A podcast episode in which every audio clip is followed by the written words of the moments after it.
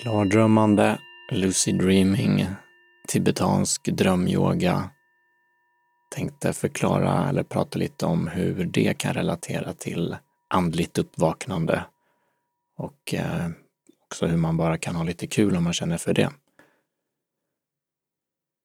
Klardrömmande eller lucid dreaming som det heter på engelska är eh, betyder egentligen att man blir ja, lucid och, eller klar i, eh, i eh, sömnen. Klar dröm eller lucid dreams och lucidity, någonting med ljus, att vi blir klara.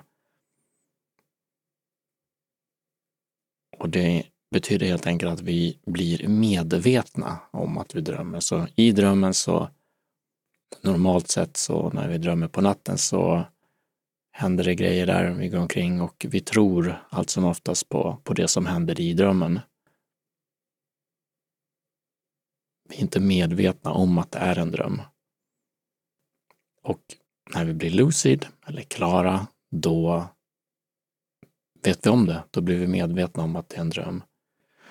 Och det gör oss ju möjligheter att handla. Annars är vi mer som en typ av åskådare som bara hänger med och dras med av olika draman och olika grejer som sker.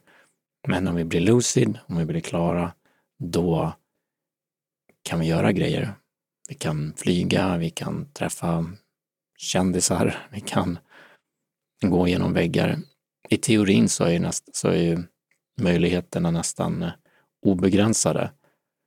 Men i realiteten så är det inte riktigt så, därför det finns en skala varpå vi kan hamna i hur klara vi blir.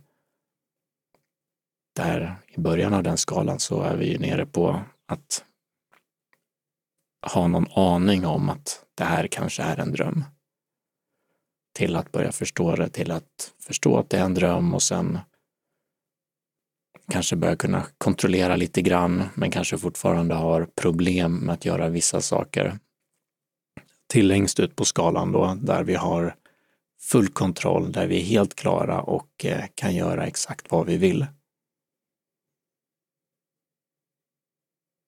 Och jag skulle kunna nämna att lite grann så, precis som vi kan vara mer eller mindre klara i drömmen, så på en skala så befinner sig tibetansk drömyoga eller drömyoga på en skala längre ut på ett annat spektrum än vad lucid dreaming eller rent klardrömmande gör. I den meningen att man brukar säga att drömyoga tar vid där lucid dreaming eller klardrömmande slutar.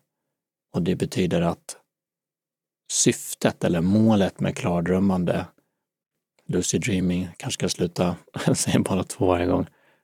Syftet är i alla fall att vi, blir, att vi blir klara, att vi förstår att det är en dröm och kan göra lite roliga grejer ungefär. Eller ha väldigt meningsfulla drömmar också för den delen.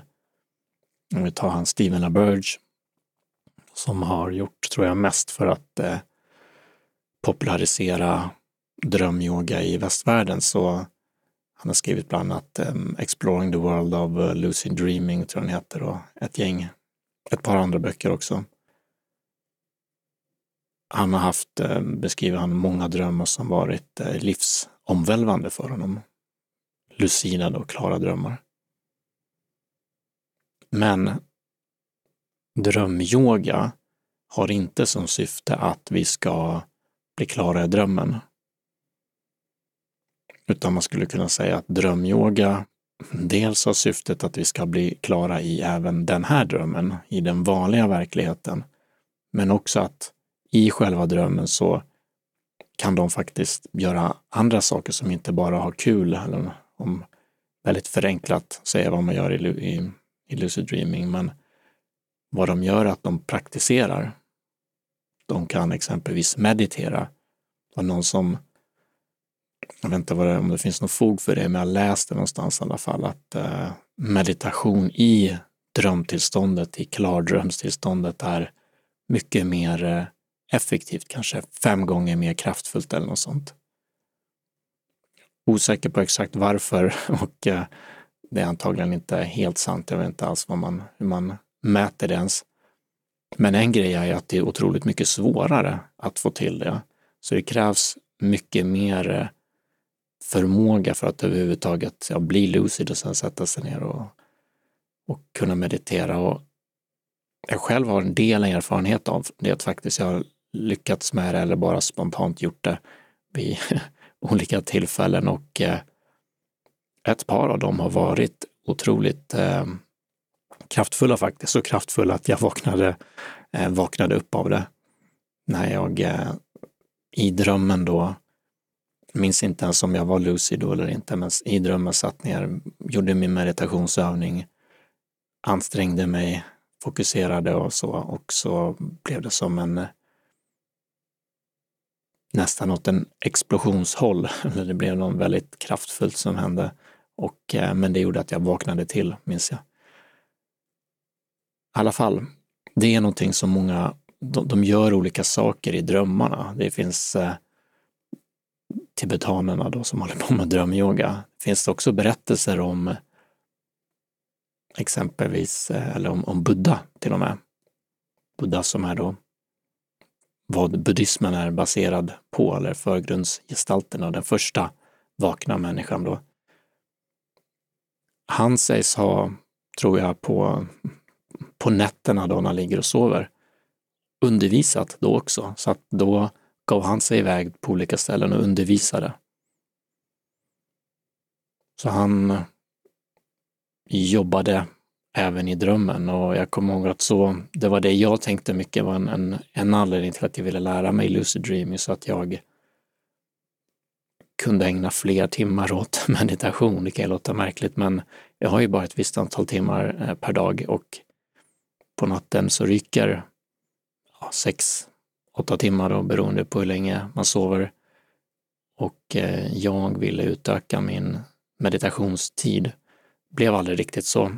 För det var otroligt svårt att eh, bli lucid för det första och eh, sen meditera och sådär. Men det var i alla fall en av mina tankar med det. Ja, tillbaka till eh, lucid dreaming och vad det är. Steve LaBerge har, har, LaBerge, LaBerge, LaBerge har populariserat det i västvärlden och han lär ut olika tekniker för att man ska kunna bli lucid då, det alltså bli klar i, i drömmen, förstå att man vaknar för, eller att man drömmer. För det är svårt, det är, det är ovanligt. Det finns vissa människor som bara har det med sig som en eh, tur, eller man, hur man nu ska säga. Precis som vissa har lättare för att vara bra på fotboll eller något sånt där, så är det vissa som har lätt för att de får spontant klardrömmar på nätterna. Men majoriteten av oss får det inte, även fast vi anstränger oss eh, som, eh, vad heter det, ja, anstränger oss väldigt mycket i alla fall. Men då finns det olika tekniker. Jag kan säga ett par här bara. Så en är, som är väldigt viktig är att bara sätta intentionen när man ska sova då. Att eh, i natt kan man säga till sig själv eller tänka så ska jag bli medveten om att jag drömmer. Och säga det tydligt. Jag ska komma ihåg mina drömmar när jag vaknar, kan man också säga. Och det är en annan grej såklart, att för att vi överhuvudtaget ska kunna veta om vi blivit lucid på natten så behöver vi ju kunna minnas de drömmarna på morgonen. Så en teknik som de flesta lär ut också är att skriva ner sina drömmar. Det är ju samma som vanlig drömtydning och människor som håller på med det, att tyda drömmar och analysera drömmar gör. De skriver ner det så fort de vaknar på morgonen. Det är ett kort fönster där som vi har öppet att kunna eh, minnas våra drömmar och skriva ner dem generellt. Och eh, när vi tränar på att göra det, om vi, vi kan diktera det eller skriva ner det eller vad vi gör direkt på morgonen. Det enklaste är att ha papper och penna faktiskt, trots eh, alla digitala möjligheter som finns. Så um, alternativt att diktera det. Men då skriver ner eller pratar in det. Och gör vi det regelbundet över fler nätter, då börjar vi minnas fler drömmar. Kanske vi minns två, tre drömmar på natt, per natt till slut.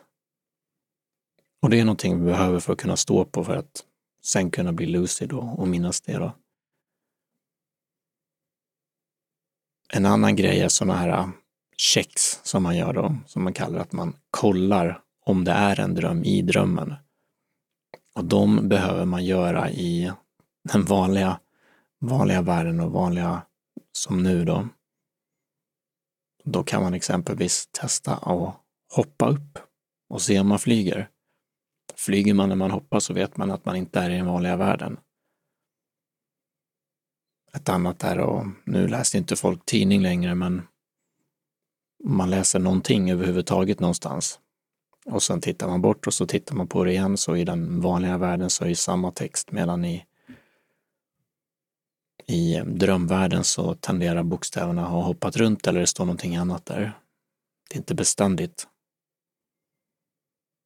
Klocka är samma sak. Man tittar, ja förr var ju tipset att kolla på armbandsuret.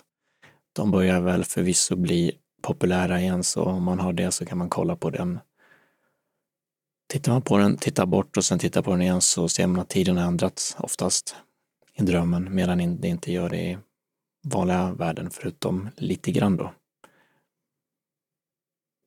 Och de grejerna behöver man göra i vaket tillstånd för då när vi programmerar in det så, ja som du vet så när vi sover på natten sen så kommer saker tillbaka så som vi, det vi fokuserat på på dagen. Så man gör det här, gör sådana här dream checks. Och sen eh, förhoppningsvis gör det i drömmen och om man gör det i drömmen och märker att eh, man flyger iväg eller att tiden förändras, då kan det vara som en, eh, ett, en eh, indikation då på att det är en dröm och då kan man ha turen att bli lucid, förstå att det är en dröm.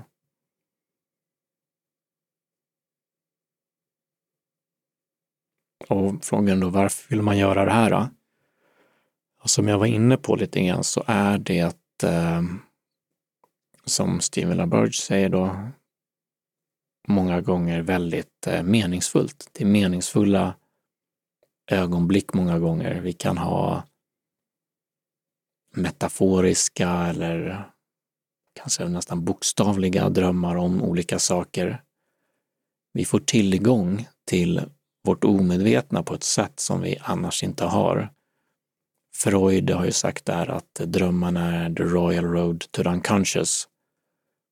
Både han och senare Jung var ju var väldigt, eh, eller var intresserade av drömmar och drömtydning. Jag tror inte de pratade om klardrömmande, men eh,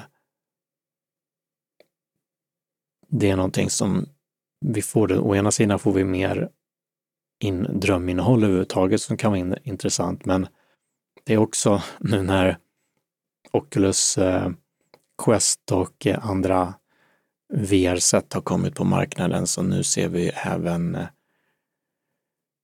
eller vad vi ser med Lucid Dreaming är att vi behöver inget VR-sätt.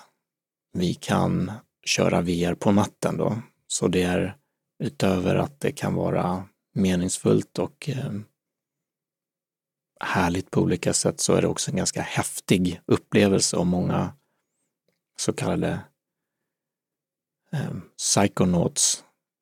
Jag vet inte om de håller på med psykedelia bara. Men sådana som utforskar medvetandet eller sinnet, de gillar att eh, göra det här, tycker det är en häftig upplevelse. Om man gillar häftiga upplevelser som är ofarliga så är det också någonting man kan, man kan testa då. Även om det som sagt krävs en del jobb och tålamod. Det har kommit sådana här,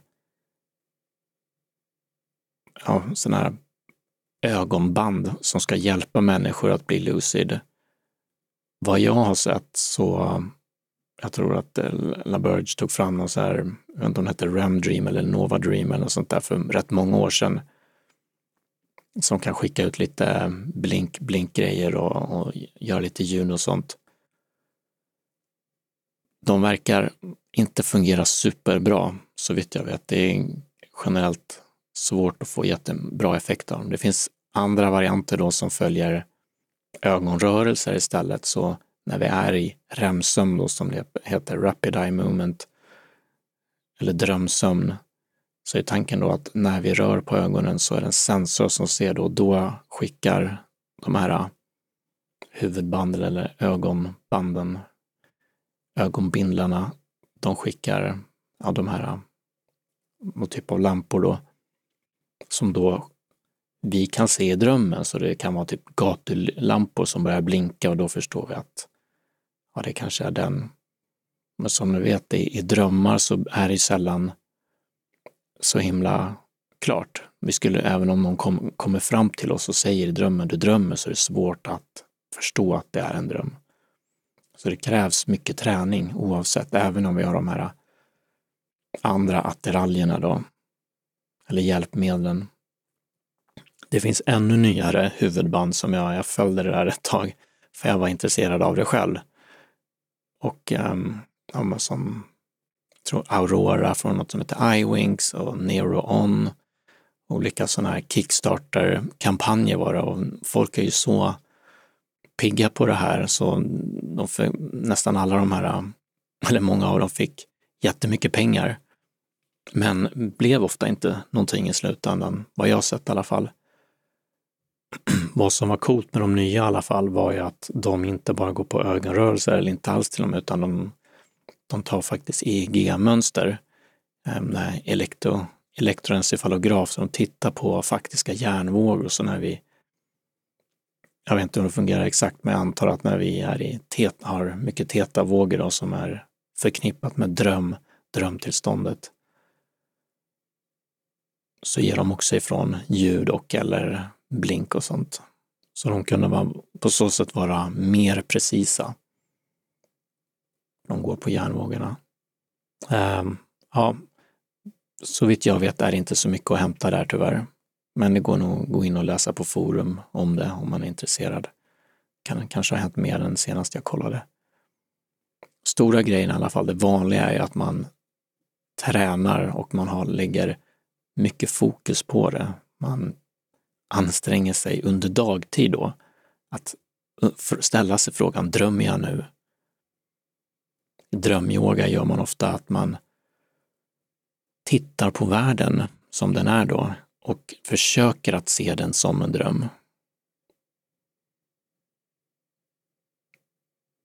Jag minns att när jag gjorde mycket drömyoga för en tid sedan, ett antal år sedan, då var det faktiskt som att den vanliga världen blev lite mer porös. Så den kändes naturligt lite mer som en dröm. Och eh, det är någonting med det här med, med drömyoga som den här Ken Wilber säger är den snabbaste vägen till uppvaknande. Just för, jag tror att den anledningen i alla fall är att det är så, så svårt igen. Så men klarar man det och blir man bra på det så,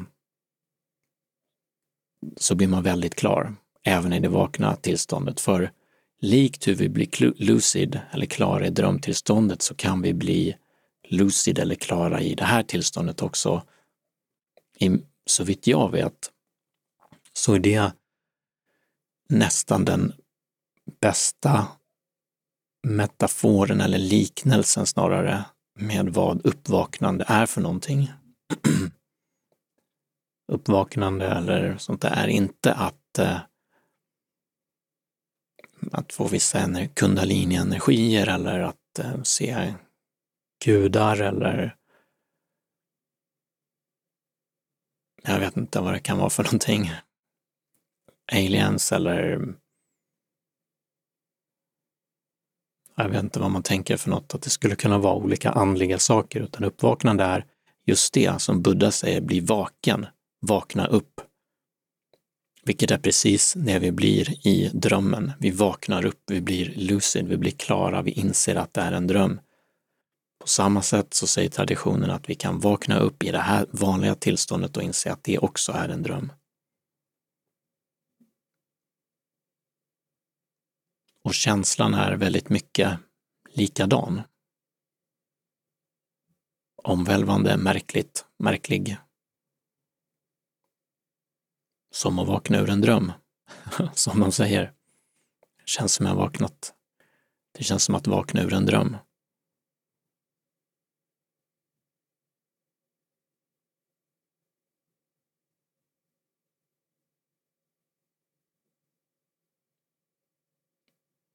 Mm. Så drömyoga är den vidare versionen då av, eh, eller nästa steg av lucid dreaming. Så inte bara ha kul om vi ska kategorisera lucid dreaming som det. Det är klart, det, det är mer också. Det är många meningsfulla upplevelser och allt möjligt som man kan ha då. Väl värt att eh, anstränga sig för. Men drömyoga är mer, det går djupare och det handlar också om praktiker och sådant som man ska göra. Och en grej man tränar sig i i drömyoga är att dö, kan man säga. För i den buddhistiska traditionen åtminstone, så där tror man att när människan dör så hamnar den, ja men den fysiska kroppen dör och sen går medvetandet, eller hur man nu definierar det, consciousness dream, till ett slags bardo-tillstånd kallar man det för. Och bardo-tillståndet är, ja, likt ett drömtillstånd eller till och med nästan exakt som ett drömtillstånd. Och då är ju tanken att om vi blir väldigt duktiga på att vara vaken i våra drömmar, då kommer vi att kunna vara vaken eller vakna även i det här bardo-tillståndet. Det som är mellan inkarnationer då i den traditionen. Och om vi, klarar, om vi kan vara vakna och inse att vi är i bardotillståndet, då har vi möjligheten där att faktiskt välja. Istället för att, likt hur det hade blivit i en dröm, dras med av, ja, om man tänker karma eller om man tänker bara saker, vad det nu är som gör att folk dras med i olika grejer i bardotillståndet eller i drömtillståndet, att vi bara, det är bara omedvetna saker som spelar, som spelar ut sig. Så i det här bardotillståndet kan vi alltså bli medvetna och på så sätt välja eh, antingen inkarnation eller välja en ny inkarnation som den där, där verkar nice liksom. Där skulle jag vilja inkarnera eller välja att inte inkarnera. Det var ju ofta målet med många av med många traditioner att inte återfödas för att eh, liv är lidande, ungefär som Buddha säger och andra säger. Så hoppa av eh, återfödelsens hjul och välja att vara kvar i något nice eh, tillstånd där vi efter barotillståndet, vad nu det skulle vara. Så det är också en anledning då i de här traditionerna eh, att praktisera drömyoga. Det är till och med så att vissa av de här mest framträdande, jag tror som Dalai Lama och vissa andra jag, jag har hört säga att själva toppen av, eh, vad heter det, att vara meditationssuper ehm, eh, på meditation och eh, det inre landskapet är att kunna behålla medvetandet genom hela 24 timmars cykeln eller hela cykeln som vi går igenom på natten eh, och sen upp till morgon igen. När vi går och lägger oss på natten så även vissa som kommer ihåg drömmar eller blir lucid har en, en ett tidsspann där de tenderar att tappa medvetandet. Från det att de håller på att somna till att de försvinner bort och sen vaknar upp i en dröm. Så att kunna vara, behålla medvetandet även den lilla stunden där verkar vara extremt svårt, säger de, de främsta inom det här.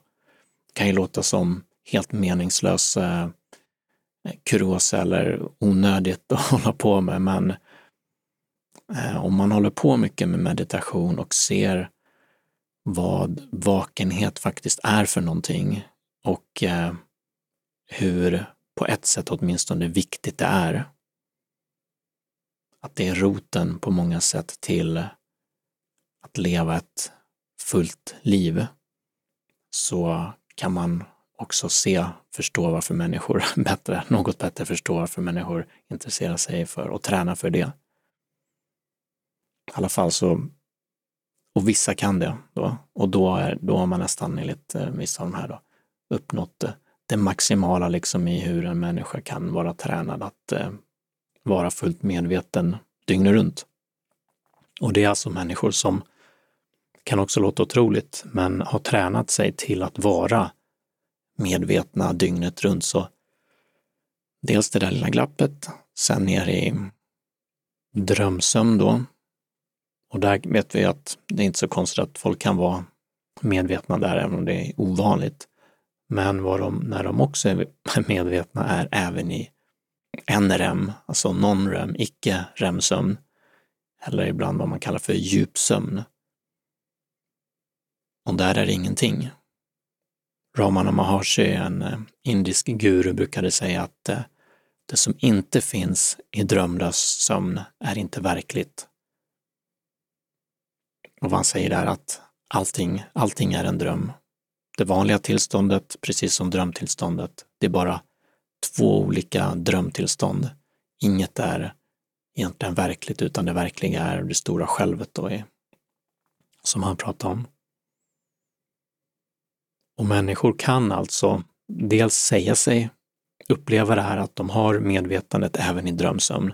Det är väldigt ovanligt, men det finns också, ska man säga, eh, bevis, viss bevisning för att det faktiskt är så, därför man kan titta på deras hjärnvågor när de sover. Och mycket riktigt är det vissa av dem som har en tydlig alfa-våg eh, också genom det här deltatillståndet. Man brukar prata om att eh, betavågor är normalt vaket tillstånd, alfa är lite mer avslappning, meditation, teta är då sömn och delta är förknippat med då djupsömn eller en rem, icke-remsömn. Och när vi har, är i det tillståndet så så vitt jag vet så tenderar vi bara ha sådana här mest deltavågor, kanske lite tetavågor eller något. Men här har vissa av de här då bland annat då Ken Wilber som han heter, visat att han kan ha alfavågor ganska tydliga även i, i djupsömn, djup drömlös sömn. Så det finns en yttre, ett yttre sätt att eh, testa det på också, eller i alla fall som indikerar på någonting som tenderar att stämma överens med deras inre upplevelse, vilket är rätt häftigt. Och de säger också att det är en väldigt djup, skön avslappning i det, i det tillståndet.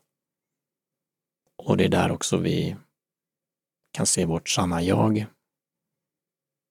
Det går alltid att se såklart eftersom det alltid är här, men eftersom allt annat eh, försvinner bort så blir det tydligare eftersom det bara är det som är där.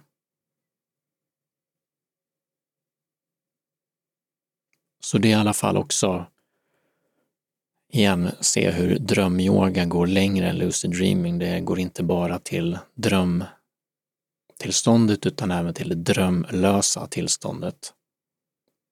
Och igen, det här, vissa menar ju att det här är väldigt eh, viktigt eh, och tränar det här och håller på med det.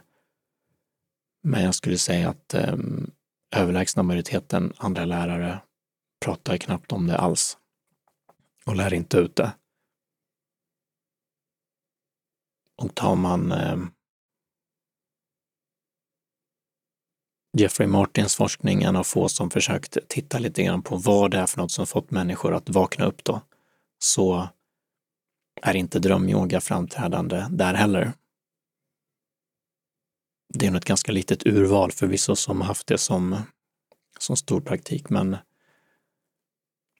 så vitt jag har sett i alla fall så är det ingenting som ingen måste-grej för, eh, för uppvaknande, men när vi vaknar upp blir lucid klara i det vanliga tillståndet så är det just där. Sen försvinner det många gånger, eller försvinner när vi sover. Då är vi inte klara längre. Då är vi inte lucid i drömmarna. Vissa får sånt normalt, eller vissa får så bara av sig självt. Jag har en en vän som har en typ av lucidity. Han menar att, eller för honom så är det som att han betraktar sina drömmar utifrån. Han är liksom inte engagerad i dem, han ser dem mer och har en medvetenhet om att det är en dröm. Det är en typ av lucid dreaming, en, en kategori av lucid dreaming. Och det fick han spontant, om man ska säga, och fick det efter han, har han gått igenom vissa typer av uppvaknande upplevelser, kan man säga.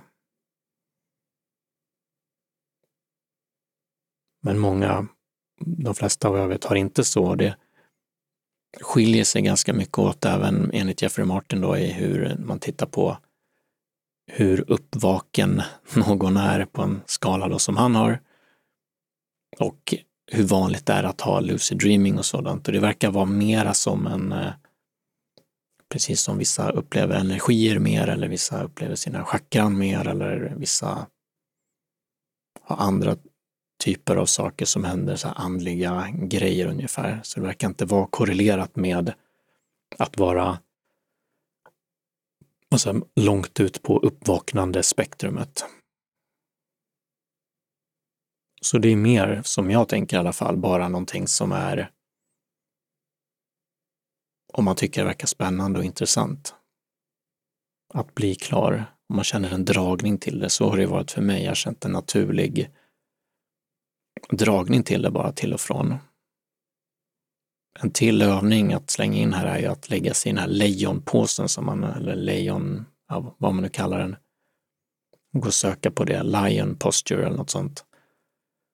Eller lion sleeping posture. Det var den positionen Buddha lades i när han dog och eh, det är den som rekommenderas i, i drömyoga generellt, att man lägger sig på höger sida och eh, ja, men man ska lägga hand, ligga på sin hand och kunna stänga igen näsborren sådär. Och eh, kroppen har en viss position också.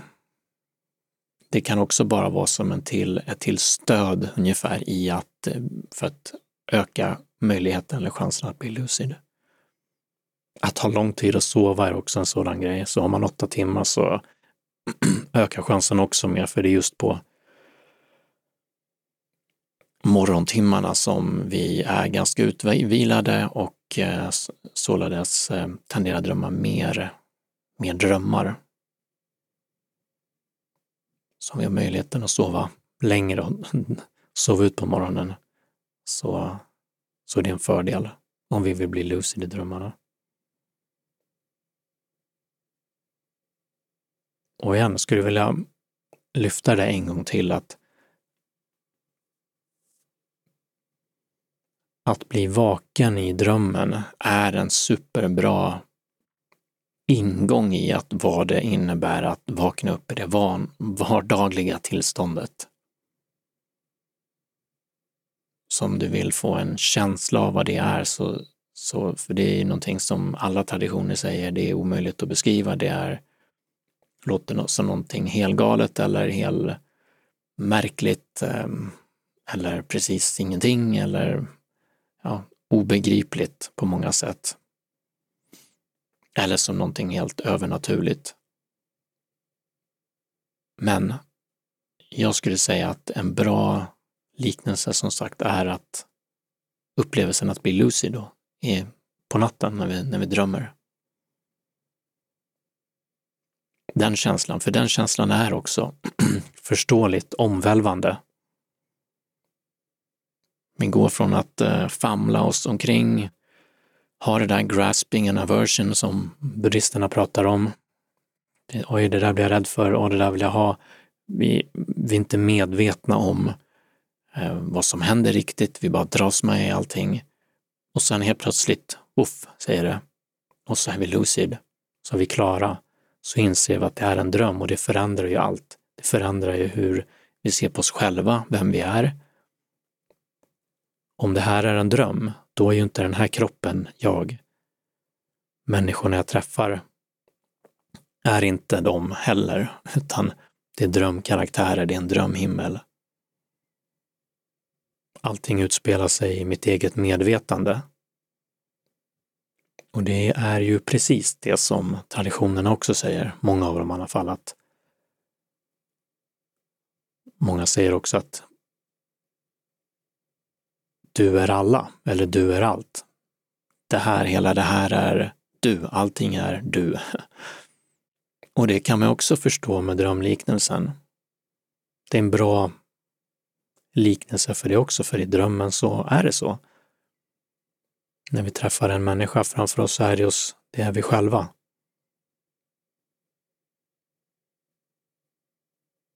När vi tittar upp i himlen så är det också oss själva vi ser. Och vi är inte den här personen som vi trodde att vi var. För när karaktären som vi är i drömmen vaknar upp, så är det ju inte karaktären som vaknar upp, det är den som drömmer som vaknar upp. Drömmaren, Gud, buddha-naturen, världen, medvetandet själv som vaknar upp. På samma sätt så säger människor som vaknar upp i den så att säga vanliga världen att jag är inte längre Jonas eller jag är inte X, vem den nu är. Jag har vaknat upp och sen säger de jag är ingen, säger man ofta i zenbuddismen. Man Säger eh, sant själv är icke själv eller no self pratar man om. Eller som Ramana Maharshi som jag nämnde, pratar om stora självet, att man är mer då, identifierar sig med något. Eller det allt, alltet, enheten. För det lilla självet har försvunnit då ju. Karaktären finns inte längre. Eller identifikationen med karaktären finns inte längre. Jag vet inte om det relaterar exakt till det här, men jag blir påmind om Ramana Maharaj, nej, Nisargadatta Maharaj eh, citat som han ska ha sagt att han säger att när han tittar inåt så ser han att han är ingenting. Och det är visdom. Visdomen att eh, ha insett att det här jaget som vi trodde att vi var i drömmen då, eller i vanliga livet, inte riktigt finns. Det var en illusion då som de säger, eller en, en hägring. Och så säger han att när jag tittar ut så ser jag att jag är allt. Och det är kärlek. Så han har visdom och kärlek då, inåt visdom, utåt. Kärlek när han ser att han är allting. Han ser att han är himlen, han ser att han är den här människan som han möter. Och det är inte en idé, utan det är en faktisk upplevelse. En djup intuition om hur världen är. Och så säger han som sista att between those two my life flows. Så mellan de två, visdomen, icke-jag och kärleken, att gå utåt, däremellan så flödar hans liv. Och med det så avslutar jag den här Lucid Dreaming uppvaknande avsnittet. Tack och hej!